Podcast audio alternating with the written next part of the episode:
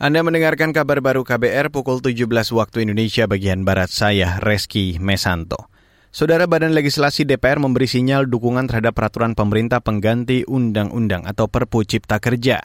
Anggota Badan Legislasi DPR Firman Subagio mengatakan, Perpu Cipta Kerja dibutuhkan untuk melakukan penyempurnaan substansi terkait ketenaga kerjaan. Firman mengatakan semua itu dalam rangka persiapan menghadapi kondisi resesi ekonomi global. Sudah ada warning daripada World Bank dan IMF, dua per tiga negara-negara dari belahan dunia ini sudah terancam adanya krisis ekonomi, sehingga Indonesia merupakan salah satu negara yang jumlah penduduknya besar dan punya potensi yang sangat luar biasa, maka Perpu ini menjadi sebuah kebutuhan besar dalam rangka untuk menjaga perekonomian nasional. Anggota Badan Legislasi DPR Firman Subagio menambahkan Perpu Cipta Kerja akan menyempurnakan beberapa pasal, misalnya terkait ketenaga kerjaan dan peraturan sertifikasi halal.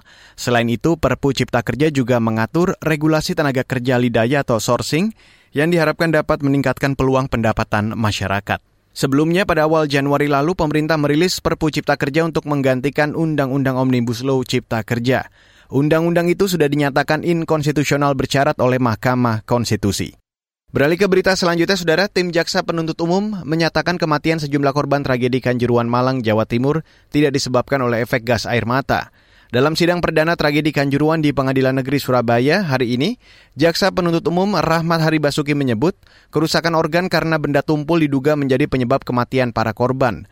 Dugaan itu berdasarkan hasil visum RSUD Dr. Sutomo Surabaya. Dua, hasil pemeriksaan toksikologi Badan Riset dan Inovasi Nasional dengan nomor surat N435 garis miring 1 Romawi garis miring R garis miring 11 garis miring 2022 pada organ otak tenggorokan jantung, kedua paru, hati, lima, dan kedua ginjal tidak mendeteksi adanya kandungan gas air dalam sidang perdana tragedi Kanjuruan itu, tim jaksa penuntut umum mendakwa Ketua Panitia Pelaksana Pertandingan Arema FC Abdul Haris lalai menyelenggarakan pertandingan antara Persebaya melawan Arema.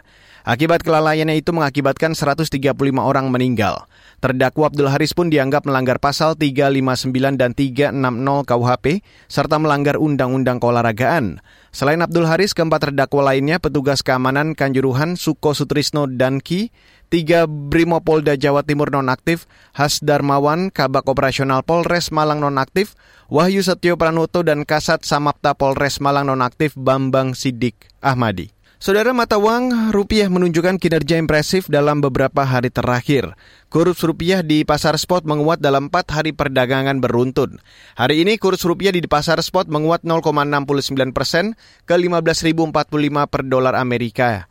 Bahkan kurs rupiah sempat menguat di bawah Rp15.000 per dolar Amerika pada perdagangan tadi siang atau tepatnya Rp14.983 per dolar Amerika. Ini adalah posisi rupiah paling kuat sejak September 2020. Sementara itu, indeks harga saham gabungan atau IHSG Bursa Efek Indonesia atau BI hari ini menguat 46 poin atau 0,70 persen menjadi 6.688.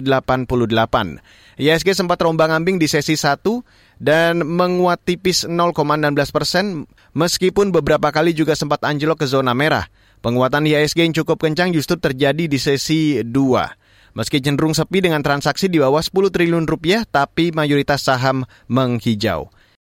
Dan saudara, demikian kabar baru saya Reski Mesanto.